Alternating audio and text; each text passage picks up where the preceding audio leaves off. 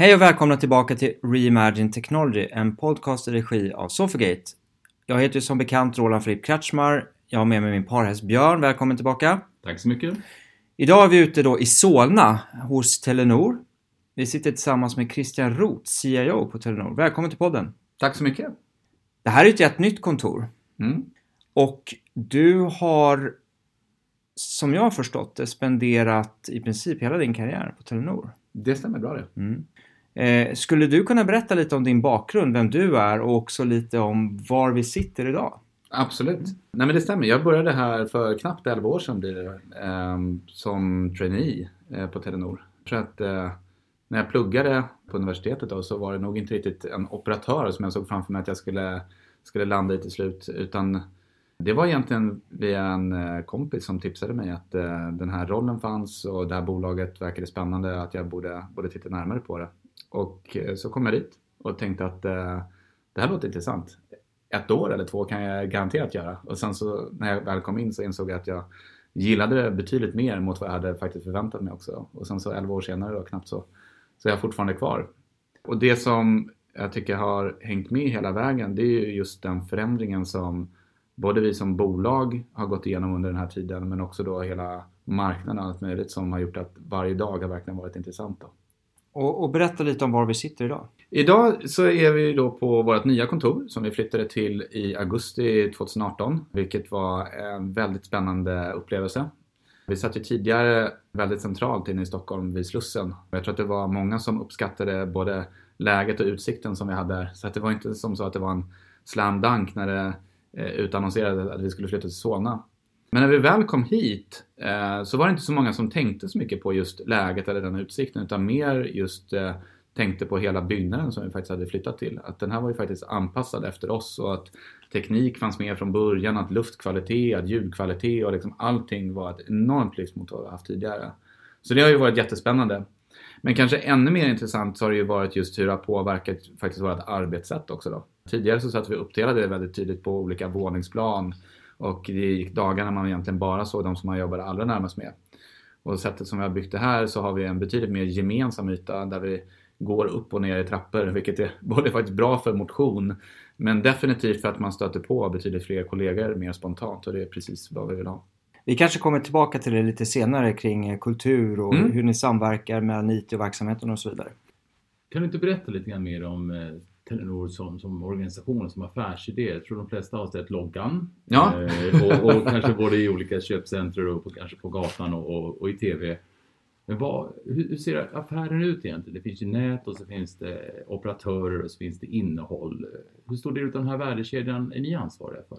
Ja, om, vi, om man tar det stora perspektivet då, om vi börjar där. Så många som har Telenor i Sverige har ju någonstans just kanske sett loggan då eller tänker att vi är en lokal operatör som finns där. Men Ser man på det globalt så är vi ju faktiskt en ganska stor aktör. Så vi har ju väldigt mycket verksamhet både då i, i Skandinavien, Norge som ju någonstans är där vi kommer ifrån väldigt mycket. Men sen så har vi också en hel del verksamhet borta i Sydostasien, i Thailand, Malaysia, Myanmar, väldigt spännande nu under den senaste tiden, Pakistan och, och, eh, och Bangladesh. Så ser man till eh, både egentligen antalet kunder så är vi en bra bit över en 170 miljoner tror jag att det är senaste siffran.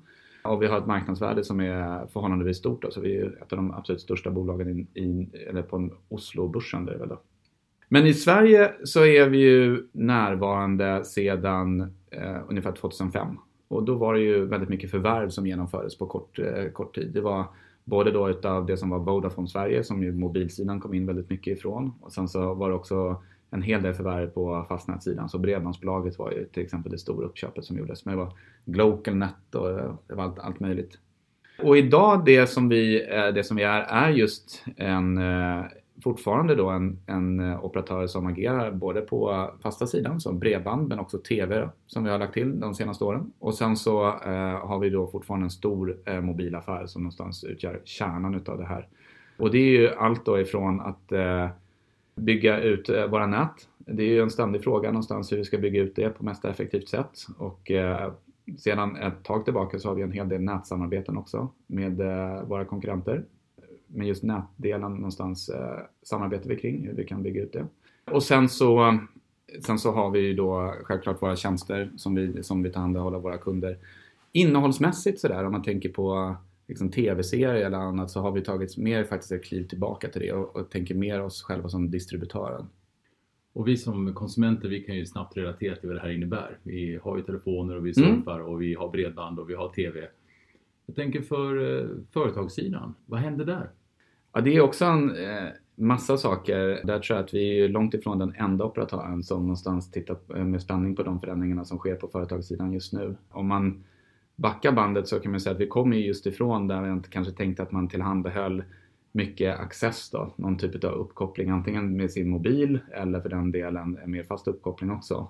Sen så började det där breddas med ett större tjänsteutbud med att eh, kanske ta hand om säkerhetslösningar eller för den delen alla telefoner någonstans kanske måste underhållas på ett eller annat sätt.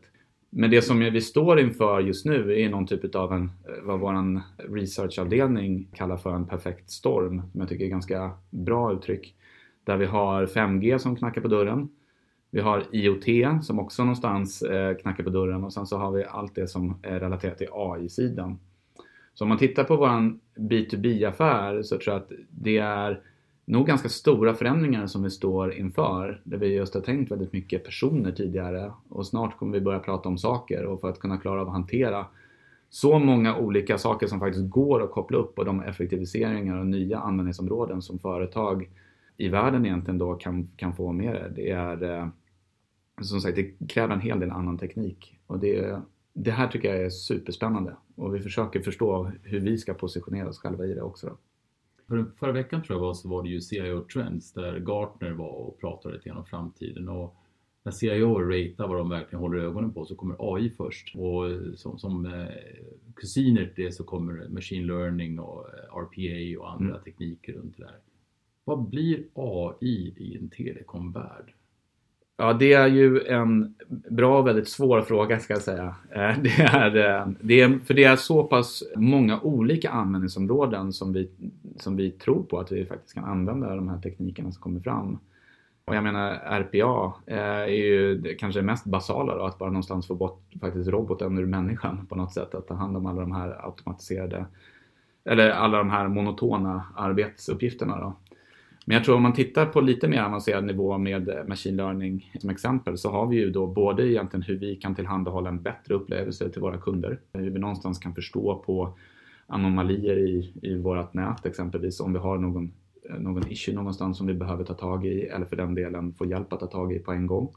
Vi har på hela säkerhetssidan också väldigt många saker som, eh, som relaterar till machine learning. Och kan vi också där se om det finns några mönster som inte riktigt ser ut så som det borde göra och kan vi agera på det snabbare så är det också någonstans en jätteintressant case. Och sen såklart också om man tänker på eh, den personalisering av kundupplevelsen som vi också någonstans tror väldigt starkt på. Så, så tror vi att machine learning eh, är den vägen som vi kommer gå. Där vi någonstans, eh, ju mer vi lär oss om vad våra kunder faktiskt vill ha, kan anpassa upplevelsen mer för dem specifikt också. Då. Det är spännande, det är ett spännande område vi är väldigt mycket tror jag också i, spa, liksom, i startgroparna även, även här då för någonstans var vi kan ta det här. Och hur det här också sen relaterar till alla privacy-utmaningar och allt möjligt då, som kommer med just den datan som du behöver för att kunna få machine learning att funka ordentligt. Det är lite framtid. Om vi tittar lite i historia, så när du var vänlig nog att bjuda mig på kaffe här innan så pratade vi om eh, billing. Ja. Som är, som är, som är ett, eh, ett kärt barn inom telekom. Kan du berätta lite grann vad bildning är och varför det är så, eh, det är klart, jag förstår att det är viktigt, men varför är det så svårt att ligga på framkant inom bildning? Ja, alltså billing och telekom har nog gått hand i hand så länge som, som vi har funnits som industri nästan. Då.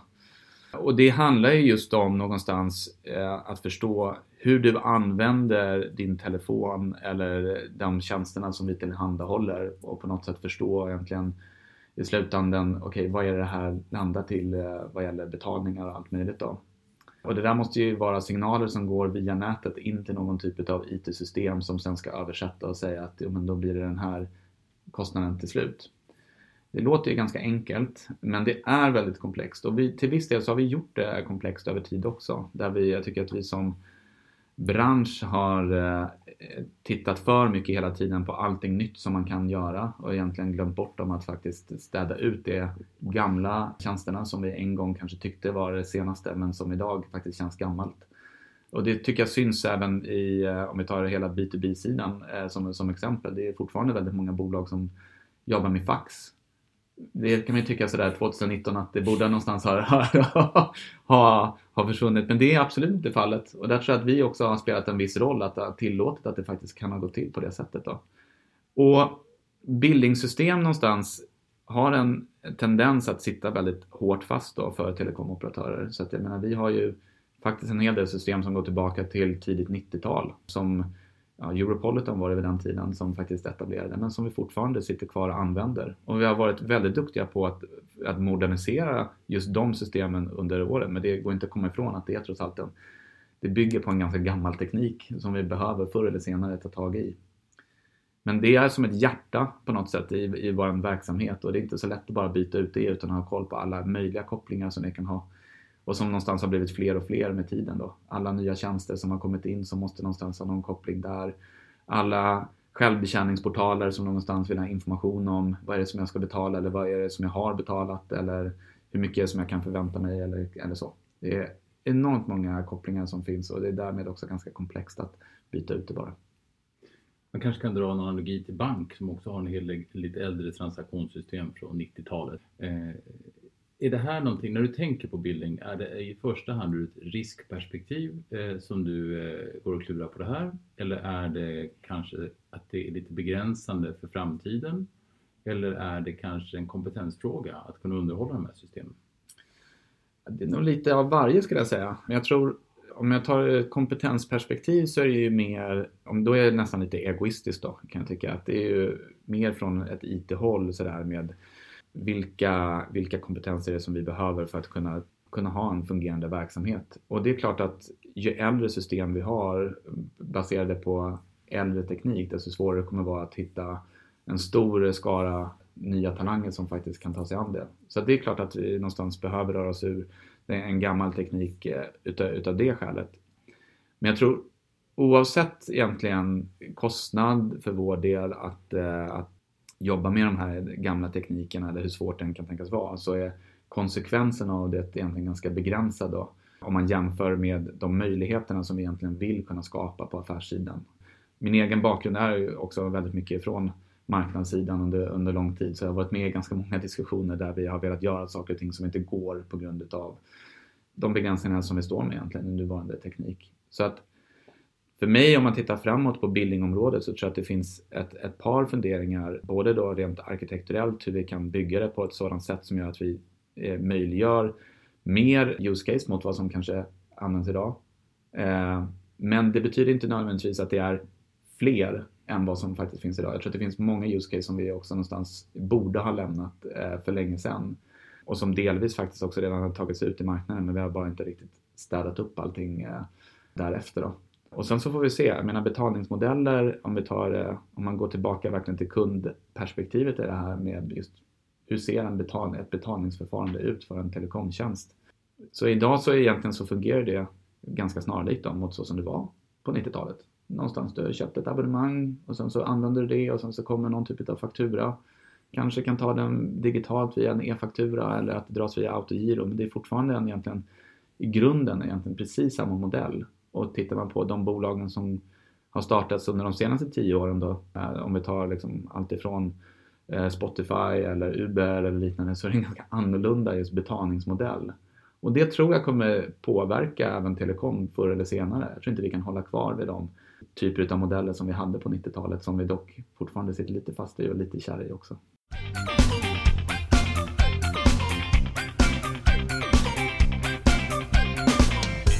På temat innovation då, som jag ändå känner att det här äh, angränsar till. Vad har ni för innovationsstrategi och vem äger egentligen den processen? Ja, det har varierat över tiden eh, och det tror jag också att det har handlat dels om en liten mognadsgrad för oss eh, hur vi ska jobba med innovation. Så att det har ju alltid varit kopplat på ett eller annat sätt till tillväxt för oss, att någonstans försöka hitta nya tillväxtområden.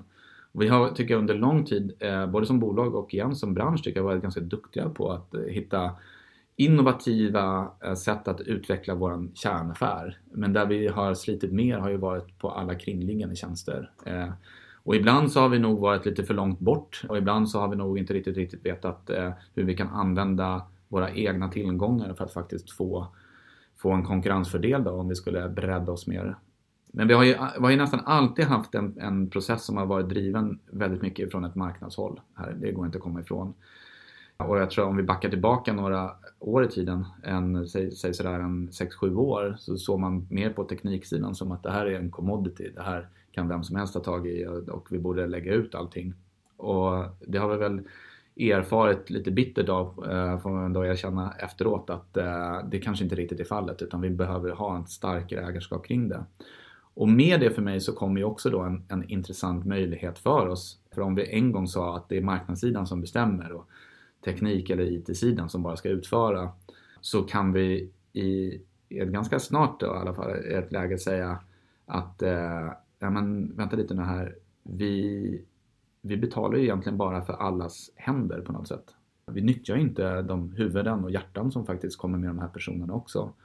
Så den, det perspektivet att också ha en mer teknikinnovation som kan leda fram till någonting, det har vi totalt saknat och jag tror just att hitta någonstans mixen där däremellan, mellan marknads och tekniksidan, det är där som vi någonstans kan hitta framtida succéer.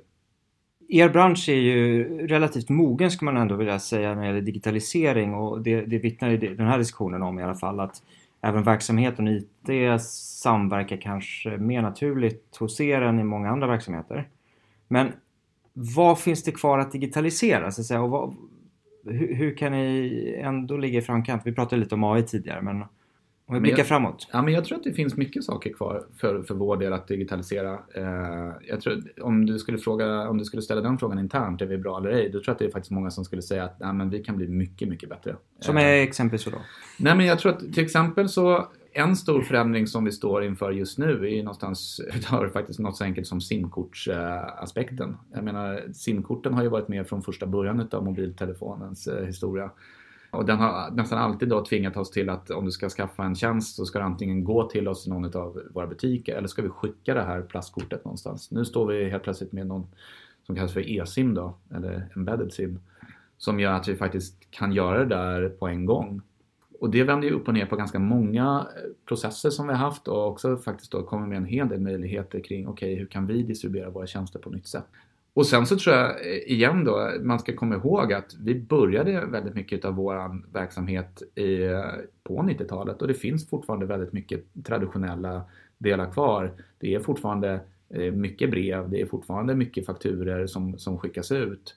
Eh, och det är en hel del krångel som, som alla tror jag sliter med på ett eller annat sätt med om man ska ha överlåtelser, rapporteringar och liksom, det finns ett gäng eh, fall där jag tror att vi faktiskt kan göra det ganska mycket bättre. Då. Låter rimligt, eh, kan jag även tycka som eh, konsument då, ja. generellt. um, jag skulle skifta lite fokus. Ja. Jag är lite nyfiken på dig som person. Du ja. är ju relativt ny i CIO-rollen. Vad gjorde du dina första hundra dagar? Hade du en sån plan eller var det mer en smooth transition? från... jag hade ett par ganska intensiva första hundra dagar. Jag började ju då i augusti och eh, utmaningarna som, eh, som jag arbetar med i den här rollen, de var ju inte sådär eh, att det var, kom som en överraskning till att börja med. Utan mycket av de här teknikutmaningarna som vi har, de är ju välkända i bolaget och jag har jobbat med dem mycket i min föregående roll också. Då, så det var ju ganska, ganska, ja, det var ingen större överraskning helt enkelt.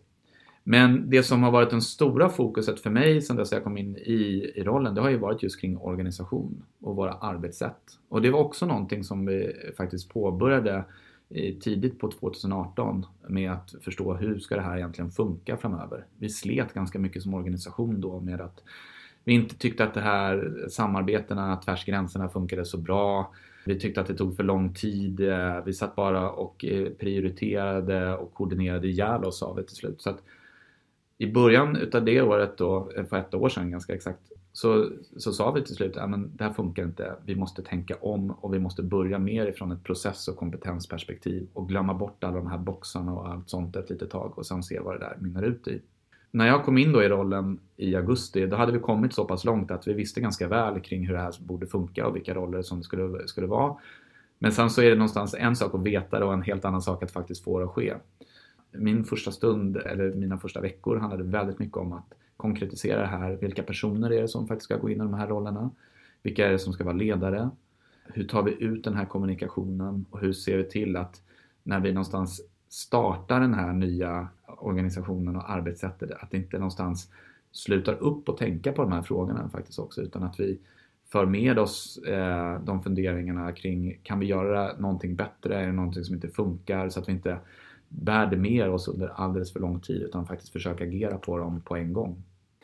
Så det var det stora fokuset. Väldigt, väldigt spännande. Och då, då funderar jag lite på vad, vad satt ni upp för målbild med hela den här transformationsresan? Nej, men jag tror att det, det fanns vissa saker som vi hade med eh, från första början som, som kändes på något sätt väldigt naturligt för oss. Eh, och en av de sakerna var just att vi trodde väldigt mycket på att ha små team som satt dedikerat och som satt just mellan marknad och eh, IT-sidan och faktiskt jobbade tillsammans på ett fördefinierat eh, uppdrag då, på något sätt. Den, den bilden tror jag alla delade från första, från första början. En annan del som kom med det var ju också någonstans att vi, vi tror väldigt mycket på eh, att ha egna anställda. Vi kommer ifrån en bakgrund där vi har använt oss av väldigt mycket konsulter och där är vi på en resa där vi nu börjar anställa väldigt många. Vilket också är lite utmanande för vi har inte varit ute och letat efter exempelvis utvecklare på ganska lång tid. Så då måste vi också någonstans säga att här finns vi, det här är vi, det här är det som vi står för och det här är det som vi tror att vi kan erbjuda.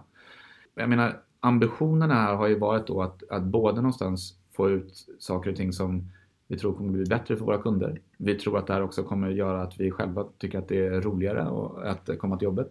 Och i slutändan så tror vi också att vi kommer vara betydligt effektivare mot vad vi är, är idag. Och bara som ett exempel med de här prioriterings och koordineringsdiskussionerna så hade vi stunder när vi satt i över 160 timmar och funderade på en resurs hur en resurs skulle användas eh, för ett åtta timmars arbete. så att eh, den typen av diskussioner har vi egentligen inte alls kvar längre.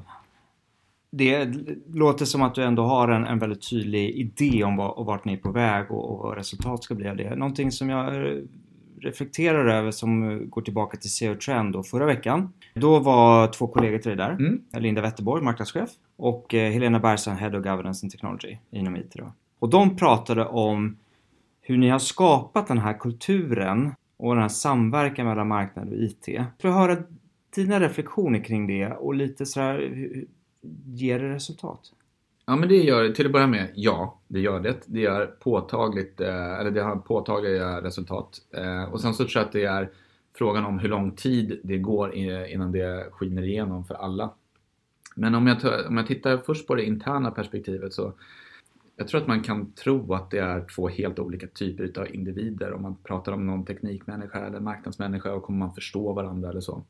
Vår erfarenhet hittills är, har varit att det har varit eh, eh, någonting som har lyft båda sidor ganska rejält. Att man förstår varandra betydligt bättre och att det är faktiskt roligt också att träffa nya kollegor. Så det har inte varit, eh, har inte varit så konstigt. Engagemanget upp på en gång. Det tycker vi ser varje dag. Och jag tror, hur kom vi då dit till att börja med? Om, det, om jag backar till, till kanske första delen utav, utav, utav frågan. Så tror jag att det här har ju varit en process som har pågått under ganska lång tid. Eh, eh, även om vi någonstans då började, som jag sa då, för ungefär ett år sedan, att eh, göra det här mer skarpt så har vi fortfarande brottats med samma utmaningar under flera års tid. Att någonstans Liksom, vad, hur kan vi göra det här bättre liksom, på något sätt? Och i vissa fall så har vi nästan brutit ihop och verkligen Liksom, det här, eh, det här tar oss ingenstans och liksom, vad är det vi gör, vi gör för fel? Så jag tror att för många av oss så har det varit en, en hel del personliga inslag också med att men fasen, vi misslyckas här. Vi måste någonstans, vi måste hitta någon väg framåt. Sen tror jag att det har hjälpts också av att vi har, vi har sett en del framgångar i olika delar i bolaget där det faktiskt gick snabbare och lättare och blev, har varit inspirerade av det. Så våran, till exempel vår frontendutveckling eh, var ju de som absolut kom igång bäst i början för där tror jag att det fanns en mer teknikorienterat mindset bland marknadsindividerna och någonstans det som så att man satt och utvecklade på var så pass kundnära också att man någonstans fick upp det perspektivet också då, från ett IT-håll. Så att vi har ju varit inspirerade en hel del internt och externt för den delen när vi har sett att, liksom, att det finns ju faktiskt de bolagen som, som, gör det här, eh, som gör det här riktigt bra. Varför kan inte det vara vi?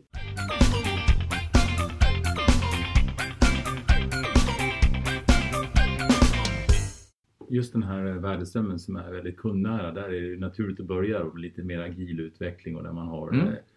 ett team som jobbar ihop och många pratar ju om eh, agile och mm. DevOps och eh, Safe och sådana här metoder. Är det någonting som ni har tagit till er eller eh, Absolut. Tänk, eller tänker ni lite själva också? Eller är det en hybrid däremellan kanske? Ja, men det är en hybrid. Jag tror att man alltid måste tänka själv. Jag tror att eh, vi, vi tog in faktiskt också extern hjälp eh, från eh, ett par väldigt seniora agila coacher och det var väl någonstans deras budskap också att ni kan inte bara någonstans titta på andra och någonstans försöka kopiera utan att ha förstått varför ni ska göra det här eller vad det betyder för er själva. Så som sagt, det är någon typ av hybrid som vi har gått på. För det går inte att komma ifrån att vi någonstans också har försökt se vad är det som funkar och, och eh, vad, vad, kan vi ta intryck av. Men sen så spenderade vi ju ändå ungefär ett halvår på att faktiskt eh, ta ner det där till oss. Vad är vår version av det här då? Vad är det egentligen? Hur ser den här processen ut? Vad finns det för roller? Vad, eh, vad är det för kompetenser som vi egentligen behöver lyfta in? Och om vi tar till exempel Safe eh, som ramverk så har vi inspirerats mycket i hela planeringsprocessen då med Big Room Planning och allt möjligt som, som finns i den metodiken som vi också nu använder oss av och ser hur vi faktiskt kan bli bättre efter varje gång också då. Så eh, som sagt, lite hybrid. Eh, men det är också, vi är inte klara liksom. Vi måste ju hela tiden titta på hur kan vi förbättra det arbete som vi gör nu. Så det är igen, det är det som var så viktigt för mig att även om vi startade tillbaka i början på oktober med det här arbetssättet så är egentligen inte det, det är inte slutet på någonstans att nu har vi hittat den perfekta lösningen utan det är egentligen mycket arbete som börjar då också med hur vi gör det här riktigt bra. Då måste jag ställa en lite personlig fråga. När du kommer från eh, marknadssidan måste vara ganska mycket nya ord och, ganska mycket, både ur metodperspektiv men kanske också ur modellperspektiv och kanske till och med i teknikperspektiv som du har fått ta till dig här i ditt Absolut. nya jobb. Så är det. Hur löser du det? jag tror eh, det, som, eh, det som har varit viktigt är någonstans först att erkänna för sig själv att eh, jag kan faktiskt inte det här området. Och med det också vara ganska ödmjuk inför de dialogerna som man hamnar i och då också faktiskt vara modig nog att säga jag förstår inte det här. Jag behöver ta en till, jag behöver ta en utbildningsinsats här för annars kommer jag inte kunna bidra. Om ni vill ha min hjälp eller så, så då, då behöver jag först få er hjälp. Och det är kanske det tydligaste området som jag hade det i från början som jag tror inte att man har så mycket dialoger kring på marknadssidan. Det var ju till exempel hela infrastruktursidan. Alla datacenter och virtualisering, allt möjligt. Det var för mig en helt ny djungel. Så där fick jag någonstans äh, sitta ner med några av våra experter då, bara få någon typ av crash course i det. Och sen så, sen så har jag väl försökt också lite på fritiden också försöka ta till mig olika koncept eh, och tekniker och så med, eh, jag menar liksom alltifrån, eh, vad heter det nu, LinkedIn Learning heter det numera och eh, Coursera och allt möjligt bara för att få ytterligare lite mer förståelse för, för vad de här sakerna innebär och varför det här är viktigt för oss då. Men jag tror som sagt man måste vara, man måste vara ganska öppen och ödmjuk för att man kan inte det från början. Men nu när du vet mer om IT, ja. ser du nya möjligheter på marknaden helt plötsligt? Absolut. Och jag ska säga så här, om jag bara backar tillbaka bandet också, att det finns väldigt mycket fördelar med att ha en marknadsbakgrund som jag också ser, att komma in i de här eh, diskussionerna. Dels då att faktiskt eh, få möjligheten att kunna ifrågasätta en del saker som vi gör, men på ett, igen då, ett ganska ödmjukt sätt. Men liksom varför jag behöver förstå det här och se att i vissa fall så får man svara att vi har alltid gjort så. Då kan det någonstans ha varit en fördel, egentligen oavsett om man kommer från en annan bakgrund. Men sen så tror jag också att det finns en hel del fördelar som man får ifrån en marknadsbakgrund som går mer kanske på, på storytelling och just kommunikation. Där tror jag att eh, många teknikorganisationer kan ta intryck utav det som faktiskt marknadssidan jobbar med på daglig basis. Och det är både internt och externt för den delen. Men om jag tittar eh, på min egen utveckling då, om jag skulle till exempel vid ett framtida läge hoppa tillbaka till en marknadsorganisation, vilket absolut inte är omöjligt, så tror jag att, att den djupare förståelsen av både konsekvenser eh, utav beslut som har fattats ifrån en marknadssida tidigare och vad det egentligen kan innebära för en teknikorganisation, eller för den delen förstå de olika möjligheterna som kommer med ny teknik eller att faktiskt ta tag i en del av de teknikutmaningar som vi har haft historiskt då också. och hur det faktiskt egentligen kan översättas till alla möjliga saker som vi kan göra framöver. Det är någonting som, eh, som gick ganska fort att inse att oj, här finns det faktiskt någonting. Det här, det här borde vi nog egentligen ha jobbat med tidigare. Och jag försöker ganska aktivt nu också verka för att eh, större del av vår organisation på marknadssidan får en bättre förståelse för de här. Jag tycker det på ett sätt lite modigt av dig att, att, att sitta och prata om det här på det här sättet och, och, och blotta dina svagheter och styrkor på det här sättet. Så, så tack för det. Hur har din egen, så att säga, image, var, liksom, hur har du liksom byggt din image internt och IT-organisationen när du har den bakgrund du har? Har det varit svårt att, att uh, få acceptans om jag nu ska vara lite ja, nej, men krass? det tror jag. Jag tror att eh, jag hade ju, jag ska säga, jag tror att det hade varit en helt annan sak om jag hade kommit ifrån en marknadsbakgrund ifrån ett annat bolag och egentligen man inte hade känt till mig eller så. Nu har jag varit här i snart 11 år och vid tillfället som det annonserades ut så var det väl då drygt 10 år. Eh, vilket gjorde att eh, en stor del av organisationen eh, hade jag någon typ av koppling till i alla fall sedan, sedan tidigare. Jag tror min min image om man tar det internt, det försökte jag väl prata ganska öppet om också första stormötet som jag hade. Att jag tror att jag har alltid försökt vara någon typ av troublemaker and changemaker, var så som jag försökte branda mig. Men det, vad jag egentligen menar med det någonstans, det är inte att jag försöker skapa problem utan någonstans jag brinner väldigt mycket för förändring. Jag brinner väldigt mycket för att utmana gamla sanningar och det har hängt med mig egentligen i alla roller som jag haft tidigare. Vilket förhoppningsvis då leder till en positiv förändring i slutändan. Men det, visst är det så att jag tror att det var nog många som någonstans funderade kring eh, hur ska det här gå egentligen? Nu kommer någon som inte har full koll på alla teknikutmaningar eller så. Å andra sidan så tror jag också att jag tror att det finns ett par av dem i alla fall som har sen kanske sett att det finns ju också faktiskt fördelar med det. I och med att jag kan ju omöjligt gå in och köra någon typ av micromanagement-stil här. Det går, det går liksom inte. Det, jag måste lita väldigt mycket på det teamet som jag har. Så det tror jag är faktiskt en fördel också då, eh, som jag hoppas att några har sett i alla fall. Mm. Ja, spännande vinkel på det. Eh, avslutningsvis, eh, om vi mot all förmodan här har en marknadschef som sitter och lyssnar på, på den här podden. Det är mycket folk från IT som sitter och lyssnar på den här podden, men i alla fall. Och så vill man eh, kanske gå över då till IT. Mm. Man är lite sugen på att kanske mm. gå från CMO till CIO. Har du några bra stalltips? ja, men det har jag. Jag tycker att det är väldigt kloka tankar, ska jag säga. om, jag tittar på, om jag tittar på eh, hur jag själv har utvecklats. Nej, men jag tror att vill man bli duktig eh, CMO framöver så tror jag att man behöver ha någon typ av förståelse från ett teknikperspektiv. Det är liksom, vi lämnar den här gamla Mad Men-världen på något sätt bakom oss ganska, i ganska rask takt och ha en förståelse för, någon typ av förståelse för de möjligheterna som kommer med ny teknik. Det tror jag är nyttigt för alla verkligen. Och jag tror inte man ska vara för rädd heller för det. Som sagt, jag tror att det är farligt att, att ha en CIO också då samtidigt som har för bra koll rent teknikmässigt och allt går genom den personen också. Så jag tror just det här som vi pratar om med att ha själv eller autonoma team då som är väl det ordet som de flesta använder sig av. Det är ju viktigt och det bygger ju på något sätt att faktiskt teamen har egna idéer och får den support som behövs och inte att det är så mycket eh, liksom, top-down direktiv som kommer ifrån någon teknikguru på det sättet.